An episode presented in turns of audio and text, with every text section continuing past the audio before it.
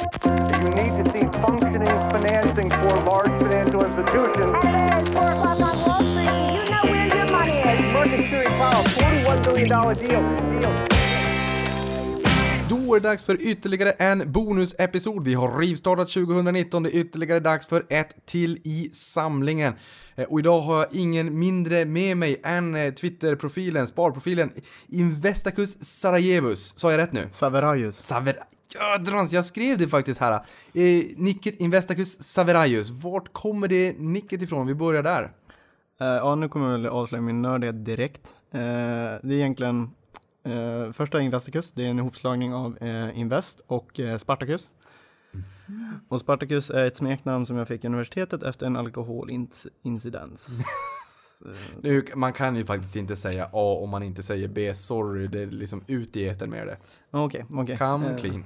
Ja, come clean. Alla vet det i föreningen då så. att det behöver faktiskt ett sätt eh, man förklarar en viss grej man gör en grej. Eh, nej, men jag var eh, mikronom i Stockholms universitet eh, där man börjar direkt och köra inskolning egentligen. Vi kallar ju det mer välkomna, välkomnat eh, program liksom. Eh, och då var det liksom första festen vi hade i vår grupp, vi var Grekland. Eh, så det här temat med gladiatorer, det har kommit med, det har kommit med hela vägen. Eh, och då, eh, jag gick lite ut för hårt kan vi säga. Eh, jag satt i taxi hem innan förrätten var klar. Det är tanken som räknas. Du, hade, du, hade, du, hade, du gick rakt in i kaklet. Det var all in eller inget. Men å andra sidan, studenter och Grekland. Mm. eh, Det låter ju inte som att en studentkassa, det var ju inte liksom en så här spartänk där. Tog ni ett plan och flög ner allihopa till Grekland? Nej. Som studenter? Nej, det var, ju- det var inte så. Var vår, lag he- hette Grekland då, för vi var olika städer i lagen. Ah. Så tävlade vi mot varandra, men vi fick faktiskt ett uppdrag, det var att vi skulle vara grekiska finanssnubbar. När vi skulle försöka sälja in grekiska obligationer till de som var generaler på det här. Vilket år var det här? Grekland var ju stökigt 11-12. Väldigt stökigt. 2013. Så det var 2013. perfekt så här. Då hade man också gjort en haircut där man kapade värdet med Exakt, 20% exakt. på obligationerna i Grekland. Mm. Du, bakom nicket Investacus Sara... Saverajus. Saverajus. så har vi en, en härlig person som heter eh, Douglas. Yes. Eh, vem är Douglas? Jag fick inte förklara Saverajus. Kör! Eh, och det är egentligen en ihopslagning av Save och Samurai. Eh, av den egenskapen att jag är extremt nördig och tränar kampsport där vi egentligen tränar som samurajer. Så. Det var ju en väldigt bra utsvävning. Någonstans Mm. så känns det som att polletten faktiskt trillar ner nu när man... Nu förstår man ju bakgrunden till nicket. Ja. Och det var ju också en liten story bakom dig. Storytelling är ju liksom hett nu för tiden. Mm. Eh, men från den ena storytellingen till den andra, vem Yes. är Douglas? Ja, eh, jag vill från början dalmas, det hoppas jag hörs. Eh, annars kommer mina polare uppe i Dalarna slå mig, känner jag. Men jag är eh, 26 år gammal, blir 27 om en månad egentligen. Och en extremt intresserad eh, aktienörd. Eh, och har haft fokus på aktier egentligen sedan, jag var 19. Eh, har alltid gillat ekonomi. Eh, sen var barsben, liksom sannolikheter, allting sånt där med att förklara saker i siffror. Eh, så att jag var egentligen inne i fokus på typ så här revision eller något sånt där i början när jag gick gymnasiet. Men efter ett tag så blev det så här, nej, jag fick upp ögonen för aktier. Eh, det har inte funnits så här speciellt hemifrån, utan det är bara att eh, farsan har kollat på så här text-tv eh, och kollat på sina aktier och han bara så här, åh, jag kommer ihåg vad de står i. Eh, så att det är inte så mycket mer än det. Men efter typ 19 års ålder öppna konto på Avanza och sen var det, har jag bara kört kak- hela kaklet in på den vägen. Och jag menar, ja, jag kan Mm. väl bara egentligen hålla med om att det är ju väldigt lätt att bli biten av, av den här branschen. Det är en fantastisk värld när man kommer in i det och liksom, ju mer man lär sig desto mer eh, kär blir man ju så att säga. Mm. Desto vill, vill man ju lära sig och det är också någonting som är kul för dig för du grottar ner dig ordentligt. Ehm, Det kan vara Försök fall. kilometervis med blogginlägg. Jag har också förstått att du kommer starta en podd som kommer vara en, en, en målet om två, tre timmar. Så man får väl liksom försöka lägga en, en vecka eller ett veckoslut på att lyssna på de där. Ja, vi kanske delar upp dem. Ni kanske delar upp dem, det kanske låter eh, smart. Men, men det här med att köra ner sig i börsen då? 19 Mm. år, så här, du, fick det inte jättemycket hemifrån, men så här, vart, vart, vart kommer det ifrån ekonomiintresset i allmänhet och aktier i synnerhet? Alltså jag har alltid varit bra på matte. Eh, och sen, eh, jag var inte så speciellt bra på matte när man började, började snacka om bokstäver i matematiken. Jag var ju mer bättre på matte när man skulle lösa ut saker, när man skulle förklara saker. Eh, och när man blev 19 där så var det typ också såg man, såg jag på något sätt aktieinvesteringar ett sätt att tjäna pengar utanför att byta sin tid mot lön. Eh, vilket gjorde att det blev extremt mycket mer intressant för det var också typ sen när man har läst, första boken jag läste var till exempel Investera som mästarna eh, av Jonas Ber eh, Bernhardsson. Eh, och då var det verkligen, gick upp för mig typ, okej, okay, man kan investera eh, liksom långsiktigt på rätt eh, typ så här eh, sunt förnuft och få rätt bra avkastning eh, på det. Och det, det liksom triggar någonting i mig direkt. Okej, okay, det här är mitt jobb som kommer ge mig avkastning. Det är ingen annan som kan ta det ifrån mig, det, är ingen, det beror inte på någon annan. Och där är väl kanske lite mycket att jag vill ha att kunna påverka mig själv och mitt egna liv, det är väl egentligen den största friheten. Och därför är aktier typ och investeringar det som möjliggör det framåt. Men samtidigt som man håller på med det så är det också möjligt att leva livet på det sätt man vill inte måste. Jonas Exakt. Bernhardsson han har också skrivit Tradingguiden. Mm. Eh, namnet ger ju kanske inte boken rättvisa för att den, den är ju verkligen Nej. från A till Ö och allt du behöver veta. Otroligt bra bok som jag tycker förtjänar en plats i bokhyllan. Eh, men investeringar. Yes. Hur ser investeringsfilosofin ut då? Eh, ja, i och med att jag nördar ner mig och typ så här, från början var det ju egentligen bara havs. Skjut, standard, skjut på det som ser... Hagelsprakaren, skjut på allt som rör sig. Ja, men det var väldigt långt ner i, i listorna. Det var typ så här Cassandra Oil, Africa Oil var ju bland de första man hade. Det har ju inte gått så bra på dem. Eh, så då har man ju förlorat sina pengar på dem. Men um, egentligen för tre och ett halvt år sedan så la jag om strategin helt. Uh, och jag bara kände så att jag har läst lite böcker. Jag har satt väl ner och typ så här, kondensera ner det här. Vad, vad tror jag det här kan funka för mig? Uh, för när man läste Investera som mästarna fick man en känsla för okej, okay, det, här, det här känner jag mig själv i. Det här tror jag kan åstadkomma egentligen investeringsmässigt. Eh, så jag har väl eh, en, alltså en kompenserad bottom-up och top-down eh, strategi. Så jag först, eh, om vi går bottom-up eller top-down perspektivet, är egentligen att jag baserat på hur jag tycker det känns i marknaden eller hur det står till så har jag en fördelning mellan aktier och eh, räntor och fonder och hedge. Ehm, och där liksom känner jag efter liksom hur man bör ha det. Och jag har haft samma sak sedan jag började för jag tycker det, det har inte ändrats så mycket tyvärr men börsen har ju gått bra. Ehm, sen går jag ner i liksom de här olika kategorierna och då går jag ner till aktier som är mest intressant då. Eh, där går jag ner och liksom har tre portföljer. Eh, en som jag kallar riskkapitalsportföljen som heter Deadpool eh, på bloggen. En riskkapitalist? Ja, exakt. Eh, och det är egentligen typ så här förhoppningsbolag eh, som man tror på långsiktigt, men det är fortfarande så här. De innehåller, de består av portföljen bara 0,5 procent, så det är verkligen så här. Det gör ingenting om det händer någonting, men om det blir bra så kan det bli flera hundra procent. Eh, och sen eh, har jag egentligen de stora delarna. Det är en fördelning mellan lite mer värdecase. Eh, liksom stora bolag som eh, Peter Lynch kallar stalwarts. Som liksom, ja, omsättningstillväxten kanske inte är tvåsiffrigt varje år. Det är mer typ Axford Ica och hitta värden där. Sen eh, finns det en annan portfölj som jag kallar Saverajus åt mig idag, eh, som är en mer en tillväxtorienterad portfölj.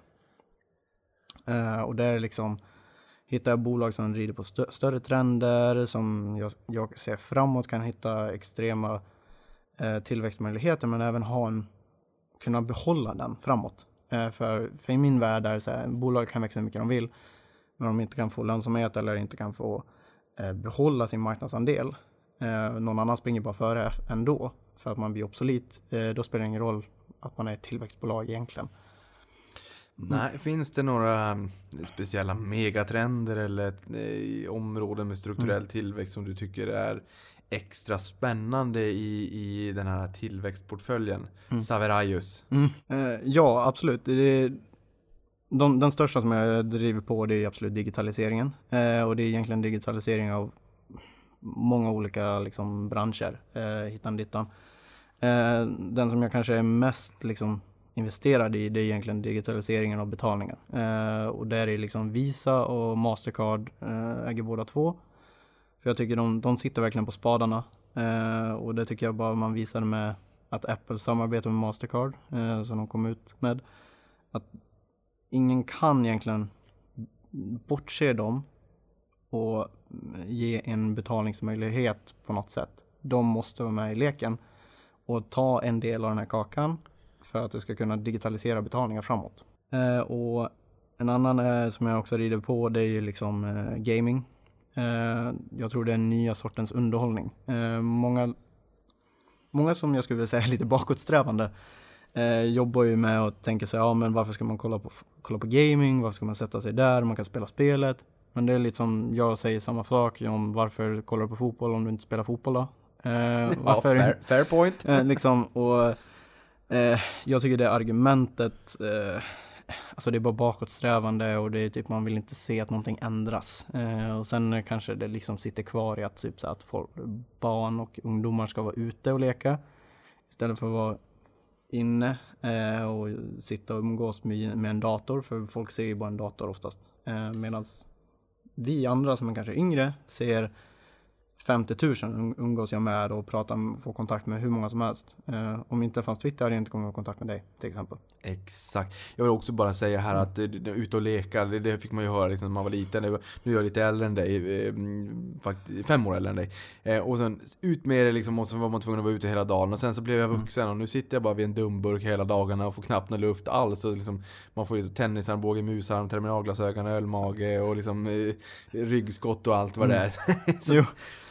Jo, så, alltså, jag håller med om att man ska ut och röra sig, absolut. Eh, det finns ingenting om att det, men det måste finnas en balans. Och man kan inte säga att, eh, att man inte får hitta på underhållning.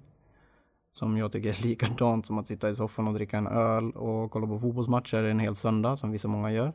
Medan man kan sitta hemma och sitta i Discord och sitta och prata med typ så här 20 personer samt, och samtidigt spela ett spel som man får extremt mycket uthållning av, och uthållighet, underhållning utav. Samtidigt som du får en gemenskap med de här personerna. Eh, jag vet jag och flera många på Twitter har träffats på grund av att vi får den här gemenskapen. Eh, via gaming och via aktier. Så på det sättet eh, tror jag det är den nya underhållningen som kommer.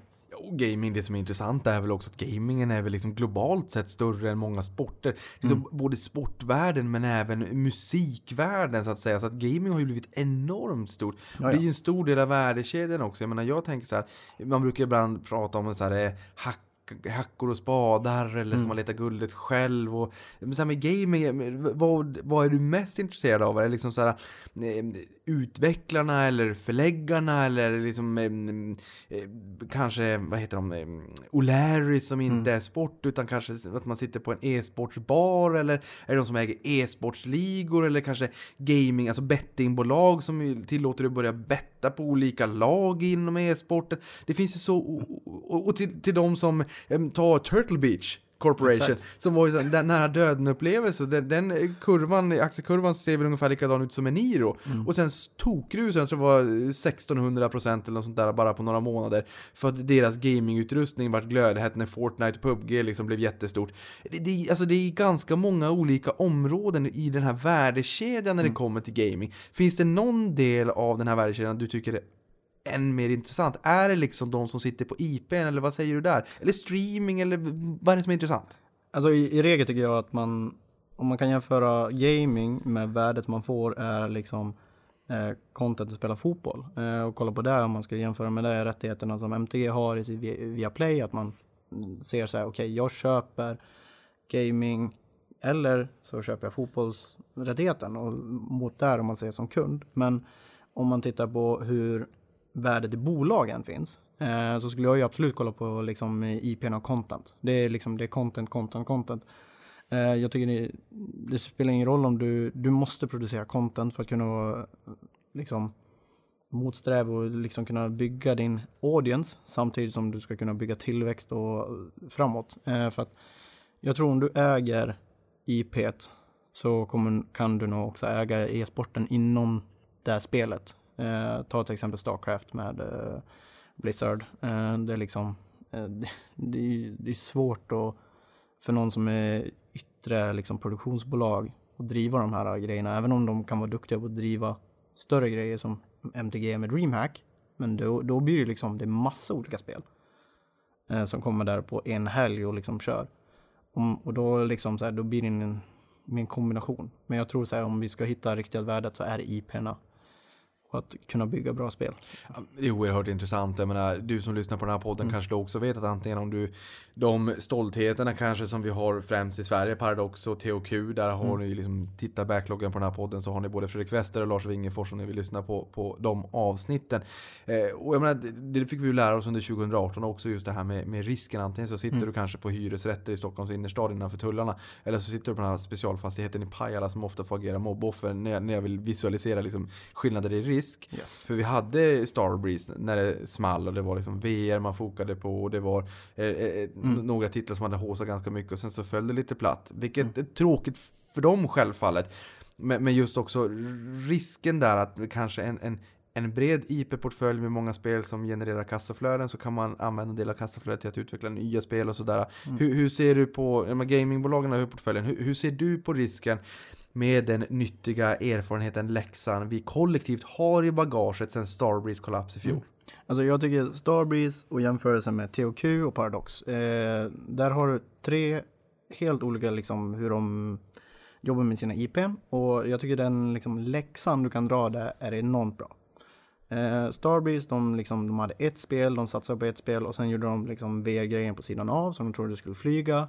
Hårdvara, det är svårt att producera. Eh, kolla när liksom Microsoft köpte Oculus Rift, det har inte hänt någonting än. Och då är lite så här tanken, ska, ska Starbreeze kunna konkurrera med det Microsoft har i liksom kunskap, pengar och allting sånt där. Man blir så här, mm, ja. Eh, men om vi kollar THQ och Paradox, eh, vad är största skillnaden mellan dem? Det är att THQ har en extremt stor JP-portfölj. Eh, den är extremt stor, det är hur många spel som helst och de jobbar med liksom producera samma spel, eh, liksom komma med liksom nya releaser och sen liksom ha lite intäkt, lite intäkt på den. Så att de inte blir för beroende av en. Men sen kan de producera som eh, Exodus-modus, så att de kan producera de här större A-titlarna liksom för att få liksom mer uppmärksamhet. För det är det man också vill ha. Eh, man vill ha recognition i den här branschen, för annars kommer man inte komma någonstans, ingen vill samarbeta med och sådär. Men sen går det på Paradox. De är inne i en nisch, de är inne och fokuserar på grand strategy. De är inne, deras spelare moddar deras spel åt dem. Där kan vi ju snacka om mot.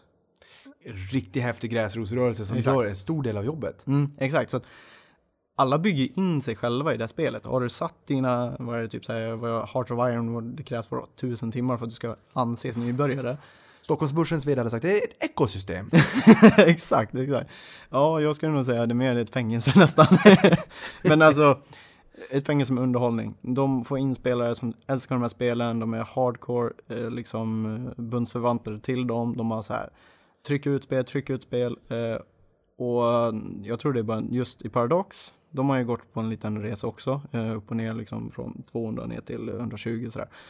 Och det är det egentligen, jag tror bara marknaden måste lära sig att eh, eh, spelproduktion, det är inte en linjär linje. Det är liksom eh, cykler om 18 till eh, två års eh, liksom, cykler att eh, ta till nästa spel kommer. Men Paradox gjorde ju fortfarande liksom högre vinst 2018 med bara en DSL och liksom bara lägga till nytt content på sina nuvarande spel. Och Hearts of Iron, om jag kommer ihåg rätt, så är det fem år gammalt och fortfarande bland det mest presterade på Steam. Så Ja, det där är jätteintressant, för det Mm. vet jag vi hade med eh, Fredrik Wester även innan de kom till börsen 2016 och redan då sa han att just, precis som du säger nu Mm. då, att det är 18 till 24 månader.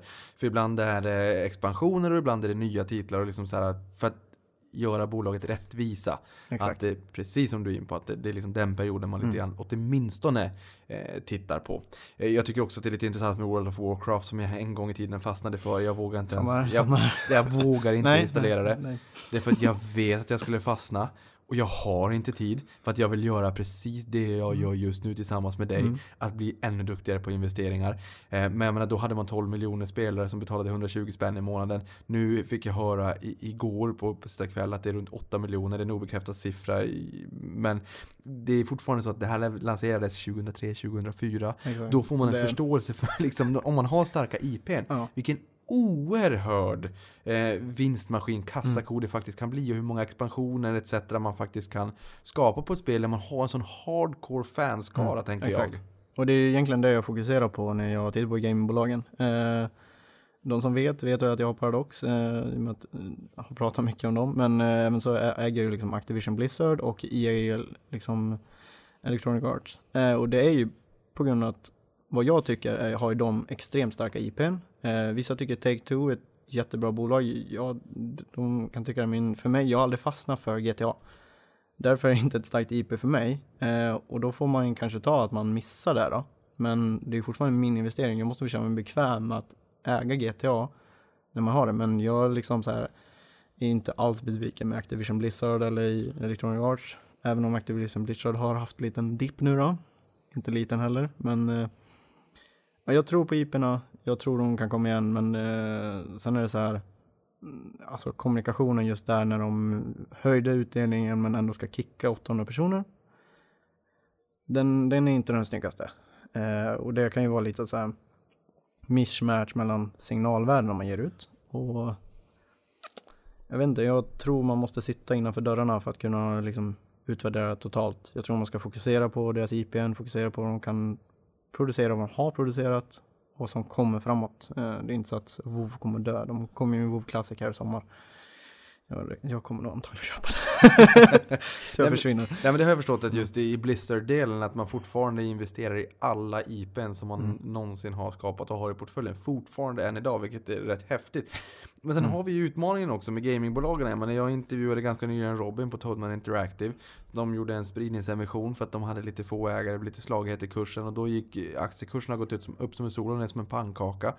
Självfallet så måste man ju fråga vad beror det här på? Jag menar, som kund när man går in och tittar på aktien kommer man ju självfallet se det där. Ja, det var liksom en, en, en hås inför ett produktsläpp som inte varit lika roligt som, som man då trodde. Ja. Och då är det upp som en sol och ner som en pannkaka och det där är inte roligt som aktieägare Nej, nej. alls. Så det är just att jag liksom tänker, hur, hur ska man tänka kring gamingbolagen? För vi har ju, vi har ju haft en gaminghysteri. Mm. Och någonstans om man ska bli lång- långsiktigt framgångsrik på börsen och vill ha gamingbolag långsiktigt i börsen så måste man också tåla de här svängningarna och våga köpa mer kanske när gaming inte alls är lika hett. Eh, och sen har vi haft många ETFer, inte minst gamer, som bara trycker in passiva pengar och ska köpa allt som har med, med gaming att göra. Alltså hur, Mm. hur ser du själv på det? Jag menar, Toadman måste jag bara säga, spelade du någon gång eh, Project I'm going in? Eh, no, nej, jag spelar aldrig. Det, det, det var verkligen en, sån här, en nostalgitripp för mig. Jag spelade Okej. när jag var ung. Det, det, det är inte världens vackraste spel, men, men det var fortfarande på min tid, när, när man hade gått från Nintendo 8-bitars till någonting som var lite roligare. Okej. Eh, men- ja, back in the days. Back in the days, och då, då kom jag att tänka på det där. Mm. Liksom att, ja, upp som en sol, ner som en pannkaka. Det är klart att många kunder som kanske, nu är inte det där det mest namnkunniga gamingbolaget, men om någon som har hittat till det där och så, åh, gaming har gått så jättebra, det här Mm. måste jag självfallet äga. Och så blir man jättebesviken när det faller sådär. Och förklaringen är bara så att det är folk som har haussat upp det och så här, jäkla förväntningar. Hur ska Mm. man, liksom, hur tänker du där? Nu blir inte det samma rörelse kanske riktigt i de större bolagen, men kan Nej. ändå bli, kan ändå bli. Men jag har ju ändå fått en rörelse med Apex. Ja. De hade ju, liksom, den releasen hade ju inte de förväntningarna som de har upplevt nu och liksom slagit eh, Fortnite på det sättet. Eh, 10 miljoner spelare på 72 timmar. ja, det, det är mycket.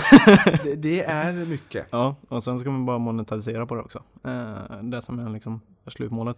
Eh, men just det här med spelsläpp och liksom spelproduktion och allting sånt där. Eh, det är ju extremt svårt. Eh, det är ju, jag skulle säga att det är nästan i nivå med trefasstudier på bio, bioteknikbolag. Eh, liksom hur, hur ska du kunna sitta och utvärdera det utifrån och säga så här, men de har producerat det här spelet bra, det, det och det. Eh, vad har man för förväntningar? Ja, alltså det, sånt, sånt där kom inte gratis. Sånt där måste man typ så här, in på forum, in och läsa, in och kolla på, det är jättemånga på Twitter som är in och kollar liksom på pre-buys på Steam och tittar hur mycket det är för att få någon uppfattning om hur mycket det ska vara. Eh, sen, Så att, att till, exempel, till exempel alltså Raid som Starbreeze skulle lämna ut. Alltså, det, men det var liksom, det var Payday 2 som producerade hela tiden. Det var de som gjorde att de hade kassaflöde. Men och då tror man Raid skulle komma och de skulle kunna forsla över sina eh, liksom fans från Payday 2 till Raid. För att det var ju i princip lite samma spel tycker de. Men det gick ju uppenbarligen inte. Eh, och nu är ju samma sak med Overkill eh, spelet också. Det har ju inte heller gått bra. Eh, så även om du har kanske det mest innovativa bolaget som många tycker Starbreeze var så kan man ju misslyckas. Eh, och det är ju där jag tycker att eh, Paradox, de är typ ensamma i sin nisch och de har lägre chans att misslyckas för de har typ byggt upp en själv. THQ har lägre chans att misslyckas för de är diversifierade istället. Eh, och medan liksom Starbreeze skulle göra en grej men på för få spel. Och FPS-spel är svårt. Ja, det är väl det där liksom, det, ja jag förstår att det är liksom, mm, det är en utmaning. Det här visar ju också på att här, just den här bredden Mm. är eh, ganska bra. För vi har sett det i många bolag, upp som en sol som säger och ner som en pannkaka. Ehm, och då är det liksom, det, det är bra att inte vara beroende av eh, en nej. enskild titel. Men, men eh, sen, sen är jag lite nyfiken på det här också, för vi pratar så här distribution. Mm. Ehm, Steam har ju börjat bli utmanad Yes. eh, från ganska många olika håll. Eh, och där man också har de, om rätta om jag har fel, men jag tror att de tar väl typ som App Storen eh, 30-70. Det vill Mm. säga att eh, de som skapar, skapar spelet får eh, 70% och sen Mm. så distributionen Steam då tar 30%. Eh, nu har det väl börjat komma eh, andra motsvarigheter som tar typ 15. Det är väl liksom en liten trappmodell. Men det här är ju också spännande. Det här bör ju någonstans också kunna stärka marginalerna i spelbolagen. Jag menar, de gynnas ju också självfallet av att det säljs mindre fysiska spel och mer eh, digitala. Ja, det är bara den marginalförbättringen där är ju enorm egentligen. Jag tror man skulle kunna på I, kolla på EA innan liksom, de fick ut så att man kunde köpa Fifa digitalt jämfört med fysiskt. Det, den marginalskillnaden där är nog enorm alltså. Alltså, Jag måste bara säga det, jag tycker att det är så himla roligt för att jag Mm. har ju liksom ynnesten att få vara med på spännande investerarresor Mm. här på, på Avanza. Ja, man är Eh, ja, ja, och då var jag ju på Electronic Arts i. Silicon Valley och där träffade vi finanschefen och jag vet som Mm. en kulspruta, precis som du nu, kul, man är så jädrans nyfiken. Och jag var jäkligt nyfiken, de- dels på, på ehm, gaming i molnet, Mm. vilket vi har börjat se komma nu med Stadia, inte minst från, från eh, Google Alphabet nu nyligen. Men då funderade jag också kring det här med eh, marginalexpansionen och vad som händer ifall man börjar sälja liksom än mer spel digitalt. Och han eldade ju upp sig, han blev ju så till sig, så han pratade ju och liksom verkligen så här, han blommade ut som en, en, en blomma, liksom verkligen eld och lågor. Och sen så ringde han till oss sen och sa, hörni, munkavle, jag tror att jag har sagt för mycket. Så då fick han lite Ja. ångest, de var väldigt oroliga. Så du äger EA idag eller? Nej, det gör jag Ja, faktiskt. okej, okej. Nej. Och det här är lite intressant, för varför jag inte gör Mm. det, varför jag äger eh, Activision Blizzard Mm. istället, är för att jag fastnade för det här med företagskulturen. Jag tycker Mm. att företagskultur är otroligt viktigt. Eh, och, och lo lojal fanskara. Sen har jag hört liksom på olika områden inom branschen, namnkunniga, tunga personer inom gaming. Som eh, vissa tycker så här, ja men det här är köpläge. Det här är definitivt köpläge, det är inget snack om saken. Medan andra är så här, fan, det här det börjar bli rätt jobbigt. Och det är ändå så här viktiga nyckelpersoner som har lämnat och det liksom börjar bli liksom lite groll och mm, det känns inte alls bra i organisationen. Och hur ska jag då som lekman veta hur jag ska ställa mig till det här? För jag vill ju köpa när, när aktien är ganska svag. Men jag vill ju inte köpa om det börjar vara ett, ett monumentalt trendskifte. Många pratar om Activision som, som utsugaren i, i Activision Blizzard i den mergen. Jag vet inte riktigt hur man ska tänka. Du sitter ju på dem sa du. Hur tänker du? Ja, alltså just det med kulturen, det är jättesvårt och just vid merger acquisition är två sådana här stora bolag ihop. Eh, och det är liksom, man läste studier när man gick i universitetet, då var det ju liksom absolut viktiga, viktigaste att det ska gå ihop, det är ju kulturerna måste matcha. Eh, annars det är så fruktansvärt viktigt. exakt, annars är det typ så här, då kan du göra en inkomstköp eh, av all, all tillgångar de har och så skippa personalen och liksom anställa nytt istället. För att eh, det är så enormt viktigt. Eh, sen absolut, jag hör också från höger och vänster att Activision är, kommer in och säger så här att eh, Blizzard, ni ska göra så här och så där. Eh, Blizzards eh, spelglädje, spel, mm, liksom, produktionsglädje försvinner. Eh, och det vill man ju inte se. Men eh, om vi säger att Activision Blizzard går så här bra med dåligt management, hur ska det gå med bra management? Ja. Det, så att, så att på, på något sätt så kan, eh, så kan det ju förstöras om man kan tänka att Warren Buffett säger köper bolag som en idiot kan styra. Eh, på något sätt så tror jag att en idiot skulle kunna styra Blizzard eh, ett tag framöver. För att de har så starka kassaflöden in i sina spel de har. Eh, men det, det måste ju komma till en punkt att den kulturen ändras och att det blir en homogen kultur som liksom lever för spelglädjen och inte bara lever för att eh, spelen ska kosta så mycket som möjligt och marginalen ska vara högst som möjligt. Exakt, men hur ser du på den här trenden med Apex Legends eh, som eh, inom citationstecken folk titulerar som Fortnite-dödaren. Ehm, så kanske det inte blir, utan det kanske faktiskt finns utrymme för lite olika spel. Men, men det till trots, alltså, man har ju så här loot boxes och in-game purchases och det har varit väldigt, väldigt eh, hårda ord och så här gamers som jag har förstått när jag lyssnar till kollegor. Gamers är jäkligt svåra att göra nöjda och de... vi- Det är hårda krav. det är väldigt hårda krav. Men, men, men hela den här trenden med, med in-game purchases, att man inte köper ett spel och sen är det färdigbetalt liksom. Hur ser, hur ser du på den trenden? Alltså, på något sätt är den ju bra. För då kan man ju sätta nivån på hur mycket man vill spendera på ett spel. Eh, till exempel, jag spelar Fortnite, jag tror jag bara köpt så att jag har två skins. Eh, och det är liksom bara för att de är kul för mig. Sen är det så här, vissa andra personer som jag vet som har spenderat väldigt mycket mer för att de vill spendera det. Och det är liksom kul för deras skull. Så jag tycker ju, det blir ju mer, alltså på ett sätt så blir det mer priseffektivt eh, på hur bolagen kan ta ut vär, eller liksom skifta värde från sig själva till spelaren och liksom få in intäkter på ett sitt spel. Eh, så det är ju bra, men sen är det så här med lootboxes och det där, eh, alltså så fort det blir någonting som är randomized, då, då tycker jag att det blir liksom i digitala världen, då är det lätt påverkat och lätt att visa att det kanske inte riktigt är sant att de är random. Och när du säger randomized, det var lite grann som när jag var liten när det liksom var skyltsöndag uppe i Boden och att man betalade 20 kronor till jultomten på gågatan och sen visste man inte vad det var i det där paketet. Ja, exakt. Man kan få grisen i säcken eller så kan man få en napp. Ja, ja exakt. Eh, Okej, gaming, superintressant. En trend. Yes. Ehm, sen hade vi eh, mobila betalningar, eller Exakt. betalningar. Vi Ja, pratade Mastercard Visa. Ja, och Ehm, lägga till det har jag också Paypal. Ja, vad det jag tänkte fråga. Paypal Square. Paypal Eh, har du. Paypal har jag. Eh, och det är egentligen för att de är störst, störst i USA. Eh, det ploppar upp hur många sådana liksom, så betalningslösningar överallt. Paypal äger typ så här, 33% av marknaden om jag kommer ihåg sist jag lä- läste om dem. Eh, och de lägger ju till liksom, de blir mer en hubb för betalningar. Inte bara betalningar liksom på nätet till liksom att du köper någonting, du använder Paypal, det är, liksom, det är betalningar via dig och mig som Swish utomlands. När vi hade internationella studenter i föreningen, de bara frågade efter Paypal för att det finns inte Swish i hela världen tyvärr. Eh, men sen är det också så här, det är, Paypal har ju någonting som man har köpt som heter Zoom som är liksom utlandsbetalningar. Så till exempel de som har flyttat till USA och ska skicka pengar hem till sina familjer, de använder Zoom. Så att det blir mer en hubb. Och jag tror det vi ser som så bara vanliga användare är kanske bara att Paypal är i, liksom, i den här webbshoppen. Men vi blir överösta av Klarna. Ja. De har en stark ställning här. Ja.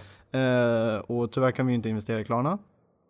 Eh, och då är ju näst största är Agen eh, som man skulle kunna investera i. Men de har ju något P tal som är astronomiskt vad jag har sett. Och sen eh, och då är det så här, Det enda jag tyckte då var vettig att investera just i det här tillfället var Paypal. Eh, för att de är störst i USA. Och de kan hålla sin ställning bara på att plocka in bolag. Eh, att de kunde plocka in iSATA till exempel. Och konkurrera ordentligt med Square nu. Eh, för det är ju lite, de är ju en liten peer mot Square, att kunna vara så här på farmers market. Du betalar med liksom en, en dosa som du sätter i mobilen, du använder kortet och liksom kör. Eh, det är väldigt simpelt. Eh, till och med min mamma kan ha det i sin frisörsalong, eh, iSettle och komma igång eh, på liksom tre, fyra dagar utan min hjälp. Då vet man att det är lätt och då vet man att det är användarvänligt. Eh, Och eh, låt dem komma till Tyskland. Gud Mm. förbannat. I Sverige är det 80% av betalningarna digitala, 20% cash. I Tyskland där är det 80% cash och 20% digitalt. Men däremot på P-maskiner Mm. när man ska eh, betala för, för parkering etc. Då fanns det Paypal-loggor. De köpte nyligen en stek i Mercado Libre som är Mm. Sydamerikas Amazon, vilket också är spännande. Men där får man ju säga att precis som du är in på där med Klarna, för, det är någonstans stärker förtroendet för en webbshop om det finns Klarna checkout. Exakt. Eh, på samma sätt så har vi också Paypal checkout, vilket Mm. också stärker varumärket i en webbshop och du behöver inte ge ut dina kortuppgifter etc. utan du har bara Paypal, de har uppgifterna, Exakt. uppgifterna lämnar inte Paypal. Samma sak med Swish, jag hade Carl Molinero här för en tid sedan från just eh, Swish, Mm. styrelseordförande i podden här eh, längre tillbaka. Och han sa att så här, när, vi går in på företagsmarknaden, de har ju fått in massa, massa privatpersoner. När jag jobbade på bank, när vi, när vi lanserade det där så eh, sa vi liksom att ja, men det, det kommer att kosta en Mm. krona eller en krona och 35 öre eller vad det var. Liksom. Mm. Men vi bjuder på det ett halvår. Och det där halvåret blev ett år och sen så liksom började de aldrig betala. Men så inser man, okej, fast så får ni in massor av människor.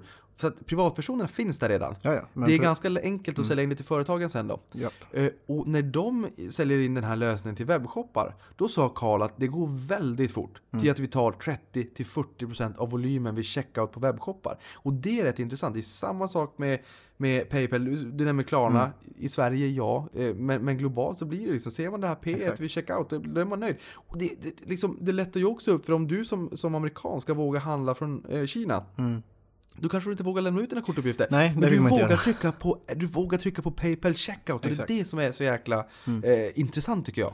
Jo, och, och nu har vi egentligen bara liksom adresserat marknaderna i Europa och eh, USA och Kanada och liksom lite i Sydamerika om man tittar på, liksom, eh, tittar på Asien, främst Kina liksom, och där är ju ännu mer fragmenterat. Men just i Kina är det ju Ant Financial som i princip äger allting men de har ju, i Kina har de en helt annan filosofi i hur det ska vara när man handlar.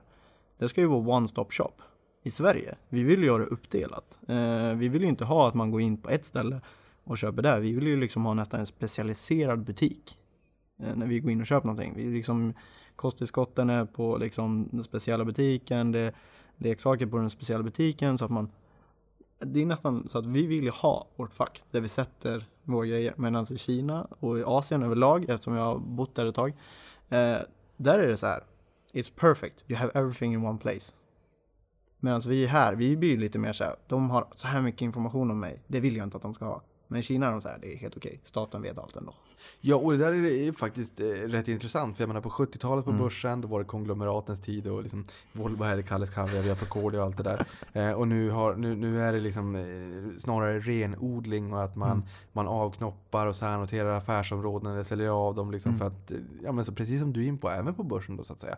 När jag var i Sydkorea här förra året så var vi på Kakao också som är en app som börjar som typ som WhatsApp och sen Ja. blir det liksom, det blir spel och det blir betalningar och det blir motsvarigheten till Uber.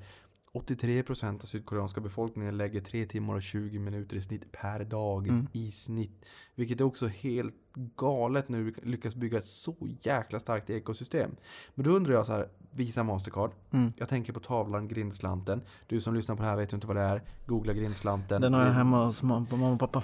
Ja, jag, tänker, jag, jag har varit så nära på att köpa den några gånger för att jag vill ha den tavlan Mm. hemma för jag tycker den är så fin och jag tänker Mm. på Visa Mastercard när jag ser Grindslanten. Det spelar liksom ingen roll, så folk säger med Loomis, ja men man ska inte äga Loomis för kontanthanteringen Mm. försvinner. Nu är det ju värdetransport och inte bara kontanthantering, men kontanthanteringen ökar ju. Inte Mm. i Sverige, men den ökar ju globalt. Det är för fler människor kommer in i medelklass, fler människor får faktiskt pengar över. Eh, så att kontanterna ökar, Mm. plastkorten ökar. Mobila betalningar ökar. Och Mobila betalningar kommer förmodligen öka kanske mest av alla i procentuella termer från, från väldigt låga nivåer. Men det finns ju liksom utrymme för alla de här tre områdena. Men där tänker jag så här att även om man går från plastkort, vissa kanske leapfroggar och aldrig går in på plastkort som Afrika har Ja, leapfroggat bankkonto och direkt bara mässar pengar via med mobilen. Pentos och uh, Safarikoms, deras lösningar där som Men det är ju för att just där finns ju inte infrastruktur för att sätta upp liksom terminaler och betala med kort och det, liksom, det hade ju aldrig funkat för de har så instabila liksom, infrastruktur överlag. Därför måste man ju sätta in de här 3G-näten. Det är ju 3G-nät de går på, nästan 2G-nät men ja. så att, och det är ju, alltså just den tjänsten för vi gjorde, vi gjorde ett eh, arbete på det här i skolan, eh, min master och då var det så här, alltså det är ju egentligen en sms-grej som när Nordea började med det här att man liksom du har en mobilbank. Ja, jo, tjena. Du, du slår in några siffror och så går det iväg och så hoppas du att det blir rätt. Det är liksom, du har ingen confirmation på någonting. Så att, eh, och det är ju för att man måste ju rätta vad man levererar till sin publik eh, efter vad de har för möjligheter. Ja, och jag, jag tänker så här att ehm, även om, om appar exploderar, jag menar våra barn, eh, dina framtida barn, även om de kanske kör all in app och aldrig någonsin kanske ens ser ett plastkort om de inte går med, med, med pappa på museum. eh, så kommer det ju fortfarande vara de här gatekeepersna, eller fortfarande Mm. grindslanten, Visa Mastercard, som kommer ha en stor del av kakan. Om det inte är så att vi får en renässans för bankkontot. För det här har jag också haft Visa tidigare på den, som, som från en av fintech-avdelningen som menade på att vi kan se en renässans för eh, konto till konto, typ Swish. Men samtidigt så är de inne på att mm, fast i- så här, det vi egentligen gör det är ju att skicka information krypterat. Spelar ingen roll om det är personnummer eller lagfart eller till, till bostad, eh, fastighetsköp eller, eller liksom dina kortuppgifter i- vid en transaktion eller vad det än är. Så frågan är, hur trygg ska man vara att Visa Mastercard alltid kommer finnas där kontra, tänker jag, att, att ehm, vi kanske får en renässans av bankkontot. Ja, alltså men man ska ju komma ihåg liksom i bakgrunden av... Varför jag frågar här nu, det är Ja. för att du gillar ju att nörda ner dig Ja, ja absolut, absolut. Eh, Vi är, liksom, vi är inne på 40 minuter nu på fråga 3 och jag, vi har Sorry. liksom 33 frågor. Det är inte ditt fel. Nej, nej. Vi är lika jävliga båda, båda två. Två nördar i, i, i en podd, jobbigt. Eh, nej men just det här med, man måste komma ihåg att det, det är mycket mer komplicerade grejer bakom liksom vad som händer just i liksom Visa och Mastercard. Eh, man ska komma ihåg att till exempel USA, där är ju liksom kreditkort eh, och där tar man ju liksom, det tar man ju risken själv som bolagen medan i Sverige det är ju debitkort som är liksom majoriteten men sen är ju kreditkort börjar bli mer och mer och jag tror ju inte bankerna vill sitta med den stora risken som det är och sitta med den control eller den clearingen som det är genom Visa och Mastercard som de sköter. Eh, för jag tror det är inte deras business. Eh, och jag tror bankerna har tillräckligt svårt med den businessen de har framöver och liksom driva den. Eh, det är inte så mycket tillväxtmöjligheter i den. Nej. ja, men jag, jag tänker där också, eh, för Mm. förhoppningsvis om vi blir vad säger man, 9 miljarder människor 2052 när jag ska gå i pension Mm. och, ja, eller om man går i pension. Och sen så har vi också en växande medelklass. Vi, vi har ju liksom kraftigt ökade volymer allt annat li, lika i Mm. det här ekosystemet. Eh, Så det gör ju någonstans att det är, det är ändå kittlande. Men alltså både Visa och Mastercard har ju rörelsemarginaler över 60%. Vilket är, ja, det är ju som att be om konkurrens. Men samtidigt så är det ju också så otroligt komplext att vi kan betala oavsett Mm. med en app eller ett kort i Pajala, Boden, Stockholm, Tanzania, Chile, New York, New Delhi. Exakt, Eh, och överallt det, liksom. att det är ju väldigt, väldigt svårt att bara liksom över en natt bygga någonting motsvarande. Där kan man ju för sig, techbolagen också fundera kring att här, Mm. nu, nu är man ju rädd för, för risken för, för uppdelningen av techbolagen för att de blir för stora. Jag tänker mig att den risken har jag aldrig sett vara på tapeten när det kommer till, till eh, Visa Mastercard, för de är ju dominerande spelare. Och det, är- det är ju i princip därför jag äger båda. För jag tror inte, jag tror inte liksom Konkurrensverket skulle tillåta att en tar över hela marknaden. Eh, De kommer vara liksom head to head och liksom driva sig framåt. Sen har du American Express som jag, de fokuserar lite på annat. De fokuserar liksom lojalitetsprogram och lite sådana saker. På, Spännande med Apples lansering igår, på tal om lojalitet. absolut. Vad säger du om den? Eh, alltså den första reaktionen som jag fick, så här, folk också frågar mig, då är så här, ja men nu tror du väl att eh, till exempel eh, Mastercard kommer gå ner?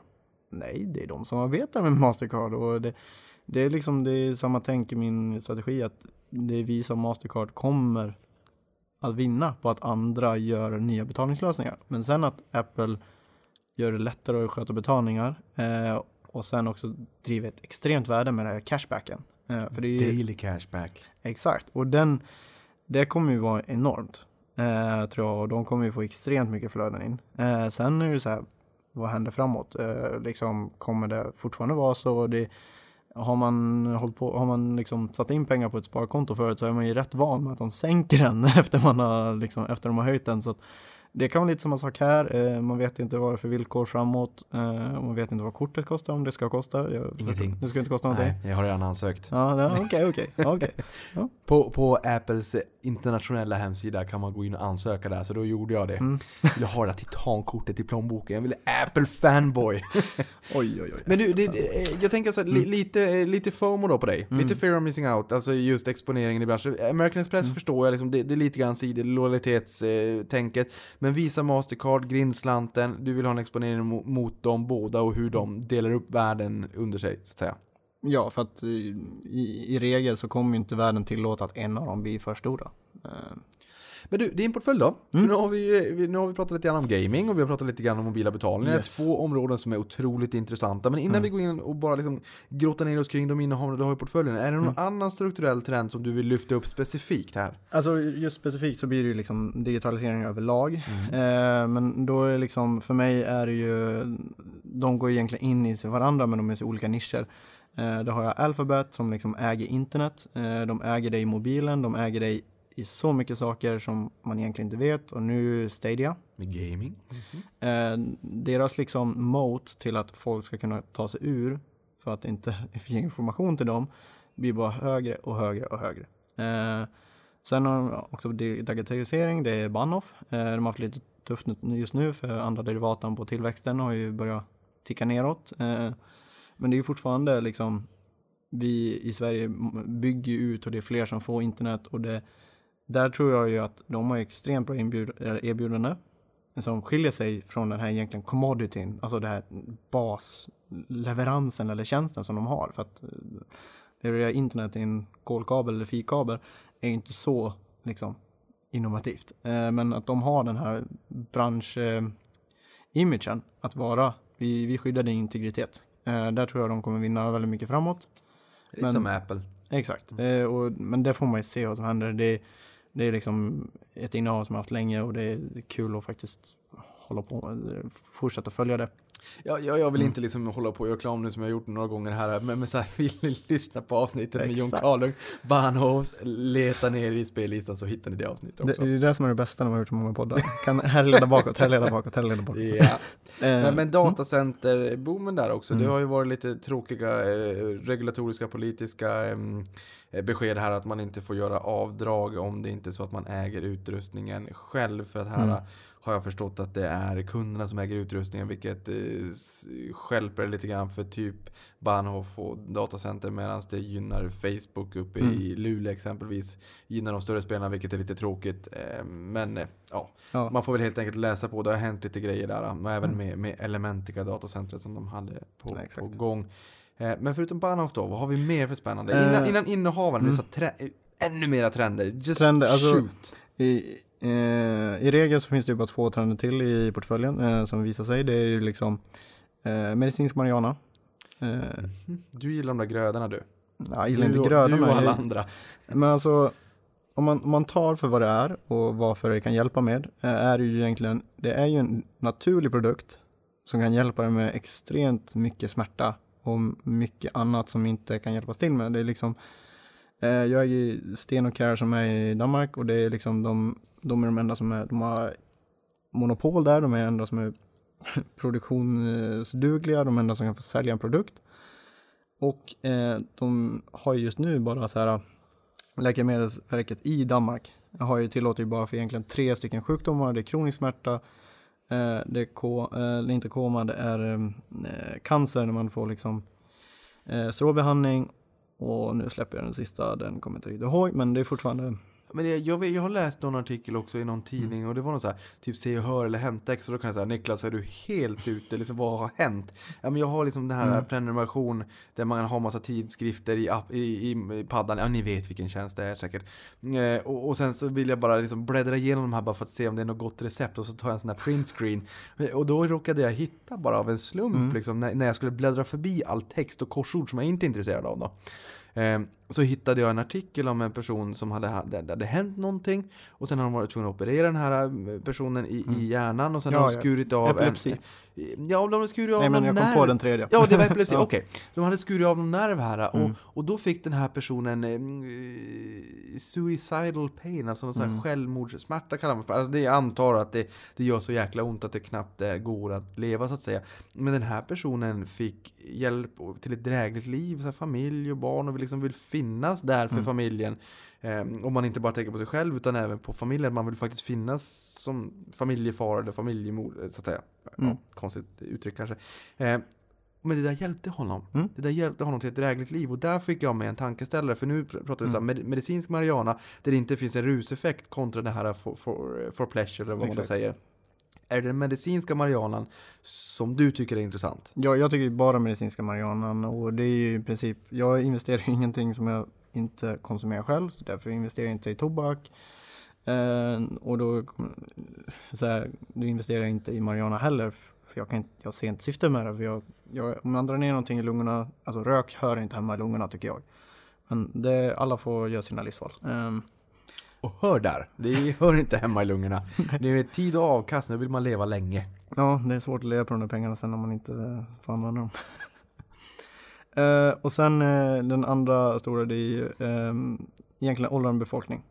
Fast jag tror många tänker på Attendo, tänker på de här omvårdsbolagen, sjuk, sjukhusbolagen. Jag tänker, eh, vad händer med de åldrande befolkning och Långkryssningar? Nej, Nej. eh, fertilitetskliniker, Vitrolife. Ja, ja. Du vet vad? Mm. Jag tänkte faktiskt ta upp Vitrolife eh, som en fråga här sen. Great minds think alike. Men jag tänkte för att det är Kina, för att det är deras största marknad, för att enbarnspolitiken typ är slopad till två Mm. barn och nu ska slopas till att man liksom så här eh, go ahead. Just shoot, men det, är så här, det tar en 20-30 år och man blir bara äldre och äldre och liksom svårare att få barn och hit och dit. Nåväl, vi ska backa Mm. bak, du ska fortsätta. Vitrolife, varför? Eh, alltså det är i princip bara på att vi blir äldre och äldre. Eh, vi liksom skapar familj mycket senare. Man finns mer komplikationer med att få barn. Eh, och sen är det så här, om vi bara tittar till exempel demografin i Kina, Japan och sådär, den ser inte bra ut. Eh, om de ska få mer barn så måste ju de i princip göra fertilitets liksom, ingrepp. Urbaniseringen där är enorm. Det finns Mm. många, många ställen runt om här, på landsbygden där det inte finns ungdomar att bära kistorna när de äldre dör. Läste jag i Dagens Industri Mm. för något år sedan och det är liksom, då får man sig en, en ordentlig tankeställare. Mm. Eh, och det är liksom just det där exemplet att det inte finns folk som bär kistorna. Det är, ju Det är ganska talande. Det, det är jättejobbigt. Eh, men, och de har jobbet med demografin och de behöver göra, eh, alltså ta yttre hjälp. Eh, För att få liksom till demografin och få någon sorts balans igen. För den är inte eh, sund just nu. Som det ser ut. Men Ja. de trenderna är eh, jätteintressant. Men, men förutom det då? Mm. Om vi ska så här bara, lite så här, vi gasar igenom portföljen. Eh, Mm. nu, nu vet vi vilka trender du tycker är intressant. Vi- Vilka bolag har du då som du har hittat i de här olika Ja, trenderna? Jag har ju gått igenom trenderna i gaming, jag har gått igenom trenderna i digitalisering ungefär, men eh, eh, och Sten och Kö har gått igenom och sen Visa. Så att då är det så här, egentligen i Saverais-portföljen är vi egentligen klara med alla trender. Eh, då, då är liksom Investacus-portföljen som är mer, eh, alltså den är ju mer så här värdecase. Eh, och det är en liten, en liten övergående eh, transaktion här egentligen att när jag startade med den här eh, investeringsstrategin för tre och ett halvt år sedan, det var att jag, då satt man in så här bara, jag kan inte göra analys på 40-50 bolag och sätta ihop en portfölj inom rimlig tid. Hur många bolag har du i portföljen? Eh, jag har 41 just nu. Ja. Eh, när jag började hade jag 80. Eh, så det går neråt i alla fall. Men så då egentligen satte jag ihop portföljer av liksom bra bolag som jag tyckte om och som såg ut bra i trender och allting sånt där. Så det är mycket som ligger kvar. Men jag kan ju ta några av dem som jag har gjort analyser senast på och tycker det är riktigt bra bolag som Alltså jag tycker de är bra oavsett om man typ tittar på dem. Sen är värderingen, där får man ta och tycka själv om. Men jag, jag tänker så här, Mm. just en värdecase, blir det liksom de här um, cigar butts, lite, lite grann som kanske Munger och Buffett var in på innan, liksom med, med Benjamin Graham, innan de liksom la sitt eget lager på att här, låga P-tal, låga PB-tal, hög direktavkastning, skitsamma vad bolaget heter och vad de gör så länge det liksom verkligt är, eh, verkligt eh, är, du får liksom mer värde, värde vad du betalar, eller priser vad du betalar, värde vad du får, liksom intrinsic value och allt, alla de där termerna för värde Ja, ja. investerare. Är det det, eller, eller liksom, för, för de gick ju ifrån det där lite grann. Och ju såhär, ah, okej men fan, nu svor jag, ursäkta, Mm. det får jag göra i och för sig. Ehm, just det här, men vi kan betala lite, nej det är ingen som, det, det är ingen som eh, skäller på mig. Ehm, kan vi betala högre P-betal för att vi tycker att det är bra bolag, det är starka varumärken, det är liksom, det är en ekonomisk vallgrav och de, de är liksom marknadsledare, ja men lite grann det här som har utvecklats över tid för dem. Är det så?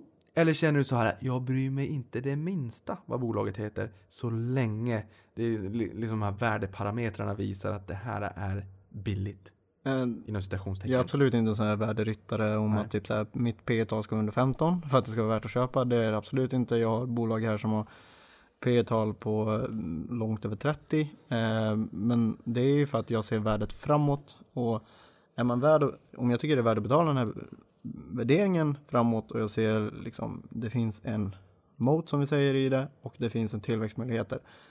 Då tycker jag det är helt okej att betala det. Eh, sen är det så här, vi, det, vad vi kan få värde av i, i, en, aktie, i en aktie egentligen är ju eh, värderingsmultipel, det är eh, vin, eller, eh, vinsttillväxt och det är yielden. Så i det bästa caset vill du ju ha alla tre se bra ut. Eh, så att du sitter med egentligen ett case som är värderat lågt, du ser bra tillväxtmöjligheter i det och de har en bra yield. Att få alla tre samtidigt? Nej, det tror jag inte. Det, det är nog här, en våt dröm alla investerare har. Men att kunna få ett bra värder, en bra värdering samtidigt ha en bra tillväxtmöjligheter. Där tror jag är lite mer möjligt. Jag tror mer att när det kommer höga utdelningar då handlar det om att bolaget är mer så moget och inte har en sån investeringsbehov. Eller möjligheten kanske man ska säga egentligen. Vilket gör att de börjar skifta ut mer pengar till aktieägarna. För det gör bättre nytta i deras händer än vad det gör hos dem och producera mer värde för aktieägarna. Nej, men det, det, det är ju liksom rätt intressant. Mm. För så här, visst, jag brukar säga totalavkastning, så här, kurstillväxt och utdelning. Men du är ju inne på, på liksom, eh, värderingsmultipeln också, Mm. anti, så här, expansion eller kontraktion. Och om vi tar ett bolag då som kanske inte har någon eh, utdelning idag, liksom, de har ingen direktavkastning, det är ingen yield. Så. Och sen så har vi eh, ganska, eh, ganska hög värdering, så att det finns inte riktigt utrymme för en, eh, mul- en, eh, att värderingsmultipeln liksom ska Mm. stiga, en, en multipel expansion. Eh, för att det kanske är P30 säger vi. Men man tror nog ändå att liksom här kan vinsten stiga på ganska kraftigt över tid. Ibland kan det vara svårt att se skogen för alla träd. Eh, tror jag man säger. jag har inte fått någon på bakfoten. Eh, men jag tänker liksom Adyen, eh, eller hur man uttalar Mm. Det namnet. Så här, volymerna växer ju explosionsartat överlag globalt. Och då tänker man så här, hmm, ger de en utdelning? Det vet jag faktiskt inte. Jag tror inte det, men jag vet inte. Rätt om jag har fel. Eh, värderingsmultipeln, kan, den, eh, kan vi få en expansion till P40? Ja, Absolut, alltid möjligt. Mm. Men P30 den där är säkert utmanande. Men samtidigt har man ju också sett så här historiskt att många bolag som har haft rätt höga multiplar har kunnat bibehålla höga multiplar och växa ganska kraftigt. Mm. Så att man, man missar liksom skogen för alla träd. Hur, hur ser du på det? Om det enda du kan gå på liksom är den förväntade vinsttillväxten, ingen utdelning, ganska Mm. hög värderingsmultipel i utgångsläget. Alltså- blir, du, blir du bortskrämd då? Alltså jag blir inte bortskrämd direkt. Eh, finns det en hög multipel så ska man ju först kolla in och titta om det finns liksom skäl till det. Men just i sånt där tillfälle när man vet, om man kan se så här tillväxten de tre senaste åren, de fem senaste åren har varit väldigt hög. Den är kanske upp, upp mot så att du får ett PEG-tal på 1 eller 1,5. Då är det fortfarande en bra tillväxt, eh, liksom jämt mot värderingen. Men då tycker jag det handlar mer om vad så här, affärsmodellen faktiskt. Eh, hur mycket värde kan man behålla och hur mycket marknadsandelar kan man behålla för att fortsätta liksom producera den här eh, vinsttillväxten framåt. För det är där det kommer, kommer handla om i slutändan. Eh, alltså i princip i sådana här bolag som växer så mycket så att de har ett P-värdering på alltså över 50, över 100 eller något sånt där. Eh, då är det ju liksom många av de värderingarna där är ju typ så här världen eller inget. Eh, och då måste man ju typ modellera runt det. Är det världen eller inget eller hur ser det ut? Eh, och då måste man ju egentligen tänka in typ så här, alltså hur mycket kan de höja pris på sina produkter? Eller, och hur mycket mer liksom, kunder kan de ha? För det är ju de beståndsdelar omsättningen består av. Och sen är det så här, hur mycket kan de bibehålla marginalerna för att växa framåt? Så att i sådana där case, då är det ännu viktigare att grotta ner sig i bolaget. Eh, det, alltså din margin of safety kommer då ifrån att du analyserar bolaget. Alltså det kan vara ett bra investerings på uppsidan direkt när du tittar på det. Men du måste skydda din nedsida. Det är, och det är där analysen kommer in tycker jag, i regel. Eh, man analyserar för att skydda sin nedsida och sen liksom hoppas, hoppas man uppsidan kommer. För vi är rätt bra på att se möjligheterna i investeringar. Men eh, nedsidan, det är den vi måste grotta ner oss i och se så här, men alltså hur stor möjlighet är det att det här kraschar eller inte blir som det är tänkt. Men nu, nu har du liksom, du har ju 41 innehav just Mm. nu. Är, är du långsiktig så tillvida då att du känner att om du har hittat ett bolag vars eh, trend och potential framåt du faktiskt tror på, du inte bryr dig om yielden, du bryr dig inte om den utdelningen nu för att kommer bolaget liksom prestera på bra framåt, då kommer ju utdelningen förr eller senare. Mm. Du bryr dig inte om värderingsmultipeln idag, nu säger jag inte att du inte gör det med, med så, eftersom att om du ska köpa på liksom 40 Mm. gånger eller kanske 10, 15, 20 år framåt så kommer du göra flera hundra köp i den här aktien.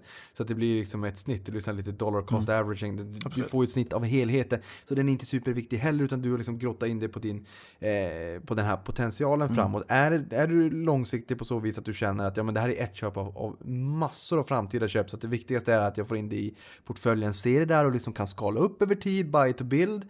Eller vill du liksom när du köper din innehav ha, ha läst på så jädrans mycket att det är precis klockrent läge när du köper in aktien i portföljen. Alltså, om det ska vara klockrent läge hela tiden, då måste jag ju sitta och analysera hela tiden. Eh, det kommer jag aldrig vara. Men man måste ju se att Det är man... bra för den här kår, kårutsvävningen där när du åkte hem innan förrätten. Då tycker jag inte att du ska sitta och analysera aktier. Så det är Nej, bra nej, att du nej, inte gör det hela tiden. Man ska analysera aktier när man har möjligheterna med sig, inte mot sig. Eh, och nej men alltså, där är det så här, alltså du måste ligga i eh, det bättre sannolik sannolikheternas utfall. Så, så att säga.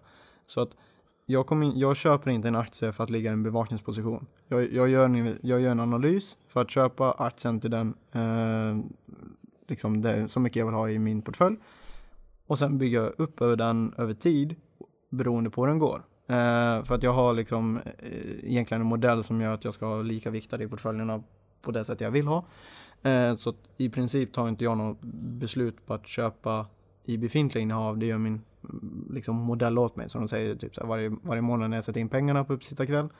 Så Snyggt. Eh, så heter det, tar jag egentligen bara köper efter den, vad den säger hur många aktier jag ska köpa och till, vilket, till det priset som är för den dagen. Eh, så på det sättet har jag lite automatiserat bort den här grejen att man sitter och sizar sin innehav. För jag tycker man ska fokusera på det man är bra på. Jag tycker jag är bättre på att fokusera på analysen av innehaven än att på att sitta och analysera min portfölj utifrån hur stor size jag började ha. Och det är därför jag liksom har valt att ta den här lite strategin om att atomisera vad jag faktiskt köper i min befintliga portfölj. Och, och, och vad sa du att viktningen landar på ungefär? Eh, alltså viktningen just nu, det är på grund, på grund av att jag har en, jag har egentligen 40% likviditet. Eh, så är liksom viktningen är runt eh, 2% på till exempel eh, Alphabet som är störst, 2,3%. Så att, Så 2,3% det är största vikten i portföljen? ja, bortsett från min guldposition som är bara för att ta bort lite inflationsrisk på mina, min likviditet. Ja.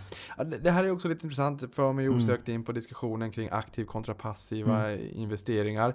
Eh, Det kan ju vara aktivt i, termer av stockpicking eller i termer av aktiva, aktivt förvaltade fonder kontra passiva investeringar. För Mm. någonting som jag tycker försvinner lite grann i indexdebatten det är ju också att de flesta index faktiskt är värdeviktade. Vilket innebär att du får ju faktiskt inte riktigt styra över viktningen själv heller. Och ibland så brukar jag säga det här med lika viktning. Det är ju inte jättedumt så man inte får en sumombrottare på relingen på en liten eka så att man liksom tippar in i det iskalla vattnet. Det kan ju vara väldigt baktunga index så att säga. Kan vara väldigt baktunga index, den är tunga PRO-ligan. Mhm. Eh, hur, hur ser du på aktivt passivt index? Eh, vållan i marknaden, är det enorma passiva flöden? Det här varit liksom Mm. en het potatis. Alltså, det beror på vilka perspektiv man tar. Om vi tittar på marknaden i helhet så tycker jag ju att, eh, att vi har fått lite för mycket kapital i vad jag vill säga huvudlöst investerande. Vilket jag tycker ett index är. Det är liksom så här, vi har en, vi har en satt eh, fördelning och så trycker vi in pengar och vi fick mer pengar av eh, liksom investerarna. Vi trycker in mer pengar och då kan det bli så här typ extrema inflöden på ETFer som vi har sett. Eh, och extrema utflöden på ETFer också som vi har sett. Eh, och det, där tycker jag ju liksom, om man går tillbaka till finansteorin, att allting, alla på marknaden ska vara rationella. Det där om något tar ju bort all rationalitet på vår marknad. Att vi huvudlöst bara investerar i någonting för att vi har satt en fördelning på det. Eh, så alltså rent krasst så tycker jag ju att nu är tiden för stockpickers. Eh, och utnyttja de här flödena in och ut som är så stora av de här äh, stora ETFerna att man kan utnyttja liksom Alltså prisjusteringar äh, eller man kan säga liksom för stora reaktioner eh, i marknaden. Eh, nu är inte jag expert på det, men jag tror ju att de som är traders som är riktigt duktiga på det kommer kunna utnyttja det riktigt bra. Det såg vi ju inte minst i slutet på förra året vilka Mm. enorma slag det var. Det var rätt många rekord. Största uppgången, största nedgången, sämsta perioden, bästa perioden. Mm. Ehm, så det, det har ju blivit en ökad volatilitet och den är förmodligen här för att stanna. Liksom, sämsta börsåret sedan finanskrisen, sämsta december sedan depressionen, Mm. sämsta julafton någonsin. De handlar ju på julafton. Eh, bästa uppgången i antal punkter den 26 december när de kom igång igen, 1000 Mm. punkter upp. Ehm, bästa starten på ett börsår på 32 år i början på 2019. Så, så här, det, det, är ju mycket bästa, sämsta, bästa, bästa och sådär. Mm, Så de kommer det- på samma vecka liksom. Ja, vilket är så här, vem behöver Paradise Hotel för det där? Nu ska jag bara som en disclaimer säga att jag tittar Mm. inte på det där för jag tittar heller på någon finansdokumentär. Jag känner bara ut med en sån disclaimer. Men, men just det där att det, Mm. det krävs ju också mer av inv- långsiktiga investerare att försöka tackla de här liksom, verkliga snabba slagen i marknaden. En, en, Mm. första sida på DI i december var eh, Världen håller andan. Ja, Världen håller andan. Den är ganska vara- dramatisk. ja, och sen ska man inte göra det för länge, så man svimmar. Nej, det ska man inte göra för länge. För då blir den här podden väldigt tråkig att lyssna Exakt, på. exakt. Men du, på tal om det, stöket i fjol. Hur Mm. agerade du under den stökiga börshösten? Eh, jag hade liksom några aktier som jag i princip eh, bara ägde för att jag bara liksom följde med trenden uppåt. Så när jag ser att trenden ändrades så sålde jag dem. Resterande aktier så satt jag egentligen bara still. Eh, och alltså på något sätt så tror jag ju framåt det kommer komma en ännu större sättning. Eh, och det är därför jag liksom ligger med 40% likviditet och eh, 5% guld. Eh, så att på något sätt är jag ju redo för det. Eh, att vi ska komma större sättningar. Och det är så här, um, den, den där sättningen var ju i sig, eh, vad jag förstått, väldigt konstlad av någon skatteeffekt i USA. När hedgefonder som eh, skulle sälja ut för att det var så här, uh, skatteeffekter som ändrades från år, år ett till år två eh, mellan 2018 och 2019 eh, som gjorde att det blev så här stora effekter. Men alltså annars, eh, i, att reagera i sådana här situationer där, där måste man gå till sig själv. Är jag duktig på att reagera i sådana situationer? Är jag, är jag inte duktig på det? Och då är det typ så här, jag hade en, jag hade en förberedd plan, så jag var egentligen preppad för det. Och då var det så här, okej, de här aktierna har gått ner under den här nivån som jag vill egentligen bara trendfölja uppåt. Bra, jag säljer dem. Och så sitter jag kvar och i princip när jag fick nästa lön så köpte jag mer ifall min modell sa det. Okej, du köpte dem och sen satt kvar och så köpte du mer när lönen kom då? Ja, alltså jag sålde ju de som jag trendföljde, Ja. som jag låter dem vara, men typ de aktier som var kvar så köpte jag ju mer Okej. eh, när jag fick mer kapital liksom. Ja. Nu är det också så här att vi stänger Mm. böckerna för eh, Q1 Mm. väldigt snart. Ehm, när rapporterna kommer in, tittar du på kvartalsrapporter eller bara årsredovisningar och vad tittar du på? Är det viktigt att liksom titta löpande varje kvartal tycker du? Eh, alltså det, man måste rätta det efter vilken ambition man har i sina aktier och i sin hantering. Eh, I och med att jag har 41 aktier så är det liksom så här, absolut Heltidsjobb. heltidsjobb och skulle göra det. Eh, min chef skulle nog inte vilja kolla på hur mycket tid jag lägger på Avanza eller Börsdata. Jag hoppas Eh, vi inte att din chef lyssnar på det här. Ja, det, det, det, går, det går nog inte. nej men så här att vissa bolag så tar man och i, i regel tar jag bara screenar upp snabbt. Bara se så här, vad, vad ser man på börsdata, vad var reaktion, eller hur mycket det var och sådär. Eh, kolla på de här snabba snipparna på pressmeddelanden som man har på Avanza som är jättelätt att få en överblick över. Är det ingenting som har ändrats stort, är det ingenting som har liksom så här, wow, vad hände där? Då, då låter jag det vara. För då, är det så här, då följer det min plan, då följer min, liksom, min förväntningar på dem. Då tycker jag ingen idé att ändra någonting. Men om det är så här bolag som jag typ så här, om en, just nu så kommer det ett skifte för att snart kanske det är en ny grej som händer. Då går jag in och läser det direkt. Då läser jag liksom allt från vad vdn säger ner till liksom eh, förväntningar och vad de har liksom framåt och liksom kolla balansräkning och resultaträkning för att se har de möjligheten för att gå över den här, alltså vad ska man säga, edgen eller liksom över till nästa, nästa fas i sitt uppbyggnad av bolaget. Så det är, alla bolag är speciella och alla rapporter är speciella. Men jag tycker ju om man ska vara, investera i enskilda bolag så borde man kolla på rapporterna i alla fall. Eh, helårsrapporterna och halvårsrapporterna. för att få en blick och liksom känsla av bolaget. För annars kan man sitta lätt i blindo och då kanske man ska sitta på fonder. Men vilka tycker du är de, liksom, de bästa, viktigaste lärdomarna du har dragit då? Om du tänker från att du började med, Mm. med du pratade här, i- berättade i början, du började med aktier runt 19-årsåldern. Eh, nu är du inte 19 längre, tyvärr. Eh, som liksom de viktigaste lärdomarna du har dragit som du gärna skulle vilja resa tillbaka till tiden och, och tipsa dig själv om? Alltså i regel är jag glad över att alla misstag jag gjorde. Eh, och det är liksom, det var inte mycket pengar men det är mycket läropengar. Eh, om man tittar i grafen så var det liksom så här första sex månader var jag ner 40 procent. Det är inte kul att starta sin, sin liksom karriär in finans, i, inom aktier på det sättet. Men det var liksom så här, eh, okej, jag har gjort fel. Gå tillbaka till repbordet och analysera igen. Och på det året slutar jag plus minus noll i alla fall. Så att eh, där, där handlar det väldigt mycket om hur du är som du själv. Jag tycker det handlar mer om att du ska lära dig om dig själv och du måste lära dig vilken nivå du vill sätta dig på än att jag kan sitta här och säga så ja men jag tycker att till exempel ett visst nyckeltal är riktigt bra eller eh, typ att jag har lärt mig från, från att när kurser går upp och ner så ska man reagera på ett visst sätt. Jag tycker det handlar mer om att så här, jag har lärt mig mycket mer om mig själv, om hur jag ska reagera. Jag har lärt mig vad jag är bra på och jag försöker utnyttja det till max och typ sänka kanske eller höja nivån på det jag är dålig på. Men liksom utnyttja det där du har. Eh, som jag vet att Peter Lynch säger jättemycket i, sin, what- i sina böcker. Är du liksom, jobbar du inom typ så här jättesimpelt, typ så här flygbranschen, du är ju bara flygingenjör, du sitter och egentligen gör, gör flyg, Eh, liksom ritningarna, då har du ändå en edge mot många andra på Wall Street. För du kan det här. Uh, och min edge är ju i princip att jag uh, är superintresserad av bolag. Uh, superintresserad av hur det funkar, hur det går och så att min edge är att min tid kostar inte mig så mycket. Det är ju, för min tid är ju nöje i det här. Exakt. Så det är väldigt bra edge att ha. Ja, men jag kan tänka mig just det här med eh, när man har en edge. Min, eh, mina tankar flyger direkt raka vägen in mot eh, biotech. Mm. Som, som är i min värld extremt komplext att Ja, ja. förstå.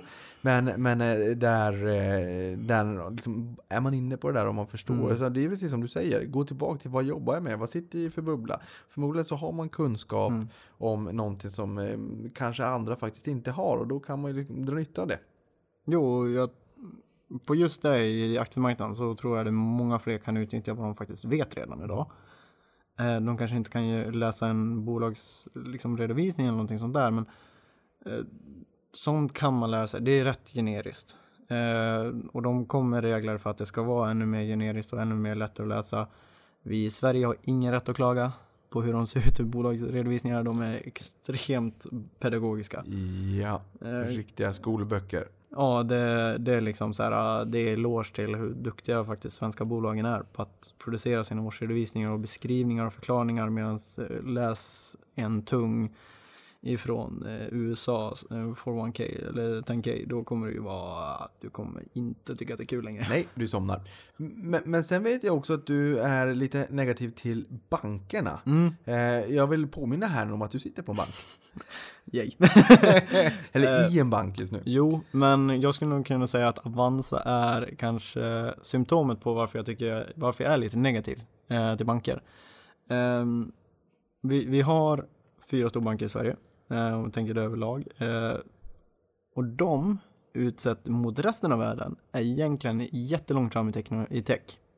Och i hur det ser ut på deras hemsidor och i hur bra produkter de har för att du ska använda deras bank.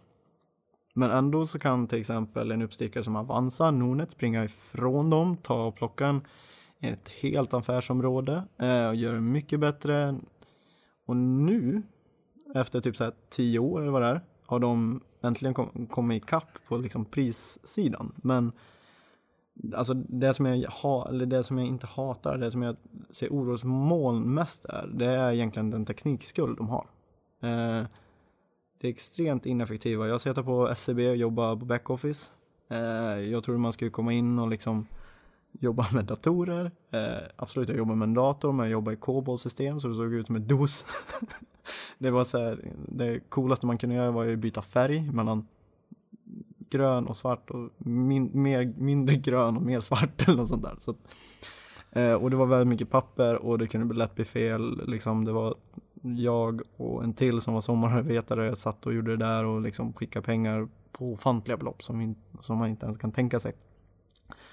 Men då tror jag ju att fintech kommer att plocka isär eh, bankernas eh, enskilda affärsområden. Eh, för de kommer kunna, de har ingen teknikskulder, eh, de kommer visa på att de har extremt mycket mer värde och leverera till kund på ett bättre sätt. För om vi bara tar som exempel egentligen, eh, egentligen det här med Apples kort. Varför är det bättre? Det är ingenting speciellt nytt. Det är samma funktion som att du skickar pengar eller betalar med ett kort eller eh, ger, ger cash till någon. Bara att det är på ett snyggare sätt, mer intuitivt, bättre för dig som kund och det, det är mindre motstånd att göra det. Medan bankerna sitter i den här situationen att de har motståndet och de som kan komma in och ge lättare lösningar på exakt samma sak som bankerna har de kommer kunna vinna extrema liksom, marknadsandelar.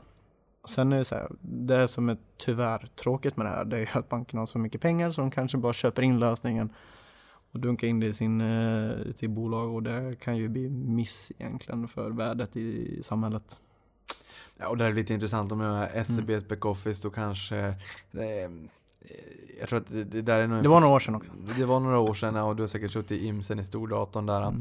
Ehm, då har man ju fått en förståelse varför Simcorp i Danmark har gått ganska bra. För det är ju ett typiskt sånt här bolag som Mm. faktiskt försöker lösa problematiken kring eh, backoffice, eh, clearing, settlement, reconciliation etc. Många, många fikontermer.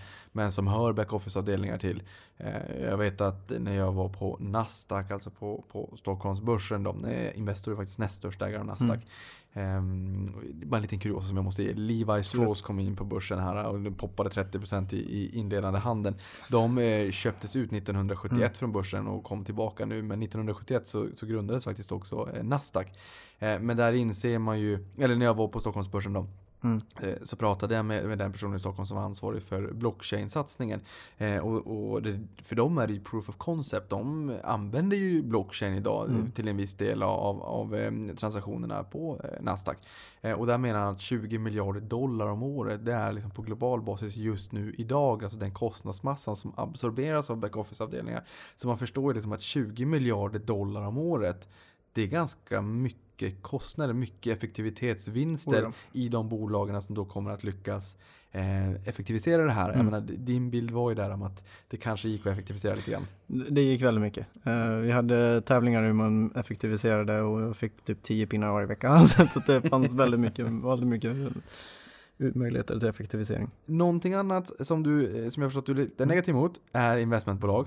Ja, Berätta. Men, eh, alltså investmentbolag är jättebra bolag för de som i princip vill köpa en fond.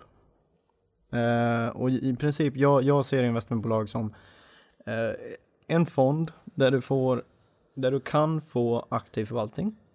Men ibland så skulle jag nog säga att själva utfallet är inte så aktivt.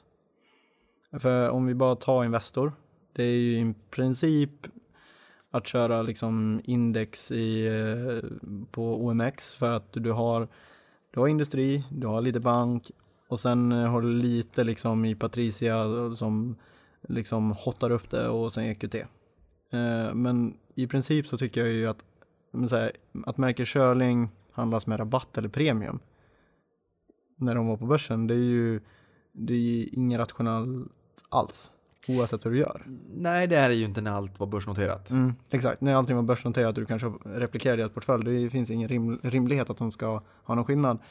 Enda skillnaden som man kan se varför de ska ha det, det är ju för att det kostar att likvidera, liksom courtage, hitta en säljare, hitta en, och då är det så här, då har du transaktionsavgifter på det här.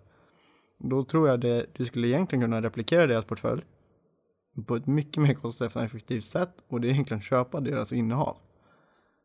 Och sen bara liksom följa efter och kanske välja din egna eh, liksom fördelning mellan dem. Eh, för jag tror ju nog man kan hitta mer tillväxt eller möjligheter och avkastningsmöjligheter i de mindre bolagen i, inom eh, investmentbolagen än de största.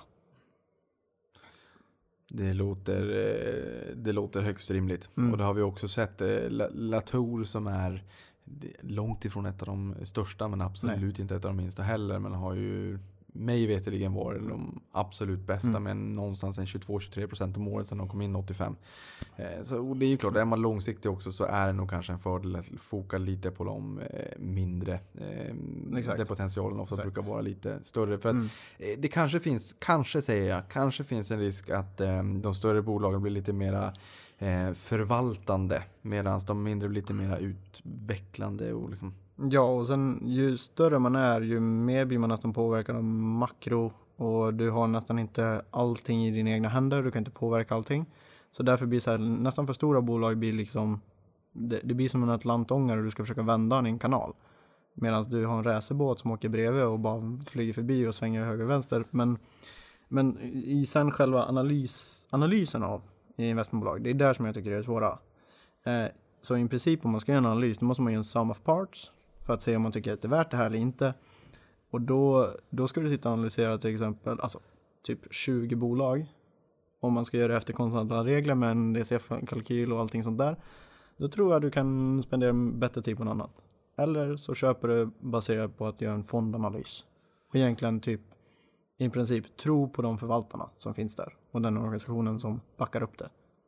Men den här eh, racerbåten eller Mm. Atlantångaren då, alldeles oavsett vilken man då vill ha i, sitt, eh, i, sitt, eh, i sin hamn, Mm. om vi så säger, så eh, är vi ju beroende av att kika lite grann i alla fall på nyckeltal och multiplar. Absolut. Eh, det har du skrivit en del om. Eh, vilka nyckeltal eller multiplar tycker du är mest intressant att titta på? Det är självfallet beroende på bransch, men Mm. ändå, vilka är mest intressanta?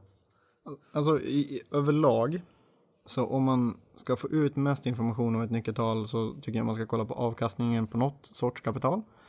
Eh, jag tycker ROC och ROIC är bäst för att du analyserar ju bolagen på i princip samma premisser. Eh, så då kan du se att du har två bolag som är lika men de har olika effektivitet och du får olika avkastning på vad de har för liksom, tillgångar. Men sen om man ska kolla egentligen väldigt eh, ska jag säga, avskalat från sitt, sitt egna perspektiv, för du är ju en investerare. Där du sätter in i bolaget är eget kapital. Då är det return on equity. För att det är de, det är de pengarna du vill få ut sen i slutändan. Så här, okay, det är, om de skulle likvideras så är det det värdet du får ut. Så på det sättet blir det liksom så här, du kan inte kolla på en och säga så här, halleluja, hitta bästa bolaget. Du måste kolla på, på alla sådana här avkastningsnyckeltal för att få en uppfattning om bolaget i sig. Men sen absolut, jag gillar ROE. För att om jag inte tror att det är för stort, för jobbigt mellan två bolag rent belåningsmässigt eller skatt, eh, skattevistelsemässigt, då kommer ju ROE-bolaget som har högst eh, vinna min gunst. Sen får man ju ta hänsyn till värdering på ett annat sätt. Där handlar det mer om att analysera bolagen i sig, göra en bolagsanalys. Eh, sen tycker jag ju att Sen analyserar man ju aktien i sig. Och det är där vi kommer in på värderingar. Men om man kollar på bolagen i sig så tycker jag är avkastning, avkastning på något kapital, tycker jag man ska kolla på. Eh, tillväxt i eh, egentligen alla tre kostnads, eller liksom alla tre resultat, resultat som omsättning, rörelseresultat, vilket kallas ebit och eh, vinst. Eh, för det är alla de tre ger någon syn om det. Sen eh, beror på vilket bolag det är. Har vi ett produktbolag, då ska vi absolut kolla på eh, varulageromshastigheten. Till exempel H&M, där kan du se extremt flackande trend på vad deras, omsätt eller deras varulageromsättning är. De hade fyra förut per år, vilket i princip menar att de kunde omsätta sitt varulager fyra gånger. Nu sjunker den, sjunker och i sin, i sin per definition så ökar ju varulagret. Men tar vi Axfood så är det som en riktig torktumlare. Ja, de omsätter ju typ så här, äh, det, det de omsätter helt sjukt äh, hur fort de omsätter sitt kapital. Uh, och hur de också, där kan man också kolla på liksom hur lång tid det tar innan uh, man betalar till kund och när man får liksom, uh, leverantörsreskontrakt betald.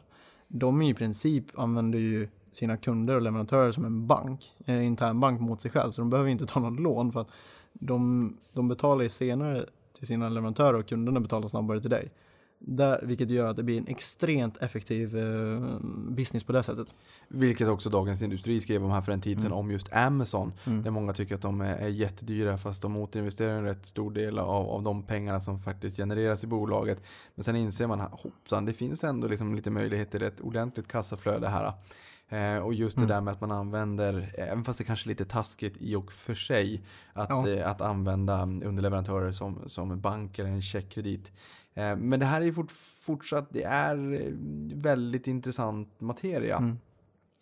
Eh, nåväl, Mm. eh, hur hittar du din inspiration då? Inspiration, oj. Alltså jag, när jag var 19, samtidigt som man eh, började investera med aktier och sånt där, så gjorde jag faktiskt en moodboard. Eh, och den satte jag upp i princip bilder på sånt som motiverar mig, men också bilder på sånt som jag vill uppnå i livet. Eh, vilket, och den sitter över min säng var, eh, varje dag, så varje dag jag vaknar så kan jag egentligen titta på den och jag vet varför jag går upp och går upp och gör de saker jag gör. Eh, så att motivationen finns alltid i bakhuvudet. Jag har med mig en bild när man är ute och reser så man kan kolla på den. Man vet att det är tufft. Till exempel om man är på gymmet klockan eh, halv sex på morgonen. Man bara känner så här, fan, jag skulle kunna lägga i sängen nu men eh, mitt mål är ju faktiskt det här och det kommer jag inte uppnå om jag inte liksom, eh, utsätter mig för det här för det själv. Och det är där jag hittar motivationen i att ja, bli det bättre självet liksom. Ja, det där med gymmet halv sex på morgonen är ju liksom, det, det, man ska ha mål. det låter väldigt bra. Det- Jag tänkte bara liksom backa tillbaka Mm. steg, ett steg bakåt, just det här med eh, P tal att man Mm. någonstans måste vara lite rättvis när det kommer till hur bra bolaget presterar kontra faktorer som man faktiskt kanske inte kan styra över själv, typ som skattesats eller skuldsättning. Mm. Skuldsättning kan man ju styra över själv, Exakt. man vill ju kanske justera för skuldsättningen. Mm. Därav kanske då ev Mm. ebit. Eh, men, men, där vill jag också bara skicka med lyssnarna att det kan ju faktiskt vara så att bolag A och B, att bolag eh, A har ett P-tal på 15 och, och bolag B har ett P-tal på 16. Men det kan ju faktiskt vara så att bolag B med ett P-tal på 16 är billigare än bolag A med ett P-tal på 15. Därför att det ligger i ett land och har verksamheten i ett land Mm. där skatten är högre. Sen så vips vad det är dagen efter så flyttar de till samma land som bolag A. Eh, och då helt plötsligt blir P-talet 14,5. Exakt. Och det är på just av den orsaken är det ju varför till exempel risk, riskkapitalbolag, de kollar på ev-ebit. Eh, och varför bolag när de eh, köper upp ett annat bolag, de kollar på ev-ebit. För att det är skuld, först det är skuldneutralt, även så är det skatteneutralt. Så när du tar fusionerade fusionerar det in i ditt bolag så får ju det bolaget i, i princip den skattesats du har internt. Så det spelar ingen roll vad de har för PE-tal. För att den vinsten, eller det som försvinner från sista raden på grund av skatt och på grund av skuldbetalningar, eh, liksom betalningar, det är helt irrelevant för dem. För det ska ändå fusioneras in i en annan miljö. Det blir helt andra förutsättningar. Därför är EV-EBIT det folk pratar om när de håller på med liksom private equity, när de håller på med riskkapital, när man håller på att köpa upp bolag. Men vi som investerar på börsen, bolaget kommer inte ändra för att vi köper den aktien. Därför ska vi kolla på P-tal för det är det mest eh, relevanta för oss. Men sen är det faktiskt en del av analysen i en DCF, en eh, diskonterad kassaflödesanalys, är ju att eh, utvärdera vad deras skattesats är framåt. Eh, och se liksom var hamnar, var kommer mera av försäljningen hamna i? Är det till, till exempel Assa Abloy eller Kone? Mer och mer hamnar i Kina. Då kommer skattesatsen ändras på grund av att det är mer försäljning där än vad det är i Europa. Och då måste man ju liksom eh, rätta sin eh, värdering efter det också. Kone betyder maskin på finska.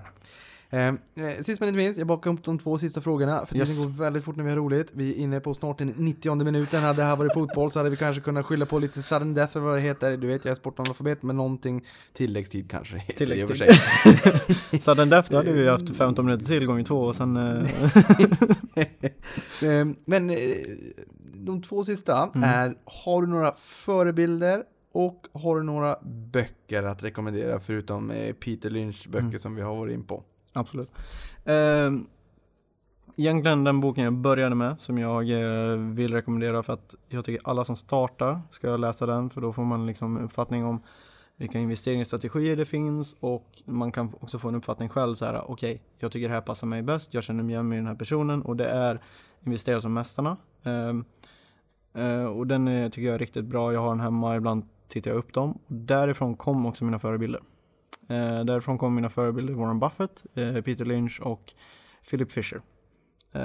Som, och det blir liksom en god mix av det här värdeinvesterandet som egentligen också är lite GARP-investerande när han började. Och han utnyttjar Geico och det kan man läsa in sig mer på, på Warren Buffett. Med Philip Fisher som var verkligen så här tillväxtbolag eh, med en rimlig värdering för den tillväxten de har. Och sen har vi Peter Lynch som eh, kan väl anses som den bästa fondförvaltarna i världen eh, och verkligen använde sunt förnuft för att investera. Eh, han körde, som Aktiestinsen körde det här typ så här, ja, men alla techinvesterare kommer ju behöva bo någonstans. Då köper jag Ja. ju Castellum eller något sånt där. Och han gjorde ju samma sak med Dunkin Donuts och han tjänade jättemycket pengar på det. Var egentligen mot det men sunt förnuft gjorde att han tjänade pengar. Mm. Ja, där får vi säga Fidelity Magellan, han lyckades ju faktiskt med 29% om året i 13 år i Mm. den där fonden. Eh, och hade som mest 1400 innehav, så det är ju alldeles fantastiskt. Eh, en fantastisk avkastning. Och det, det gör ju att du hade ju inte behövt skämmas om du hade haft kvar 80 innehav. Nu har du gått ner till, till 41 då. Exakt. Eh, Douglas, Mm. stort tack för att du kom till podden. Har varit fantastiskt roligt. Nu är den 90 minuten över. Det är 1-0 till dig. Eh, ja, jag var snäll där. Okej. 3-0 till Var, dig. var kom det målet Alla goda ting är tre. Det är 3-0 till dig. Mm. Fantastiskt trevlig podd. Eh, tack för att du kom hit. Tack för att jag var med och eh, i och med att jag ska starta egen podd så vill jag bara säga att ni kan skriva upp er på eh, gameofstocks.nu så kommer ni få liksom eh, e-mail när vi kommer ut med första poddavsnittet. Och med tanke på den längden som du har utlovat så eh, frigör en, eh, en, podddag per, per vecka. Exakt, det hoppas jag. Tack för att du har lyssnat på det här. Tack så mycket.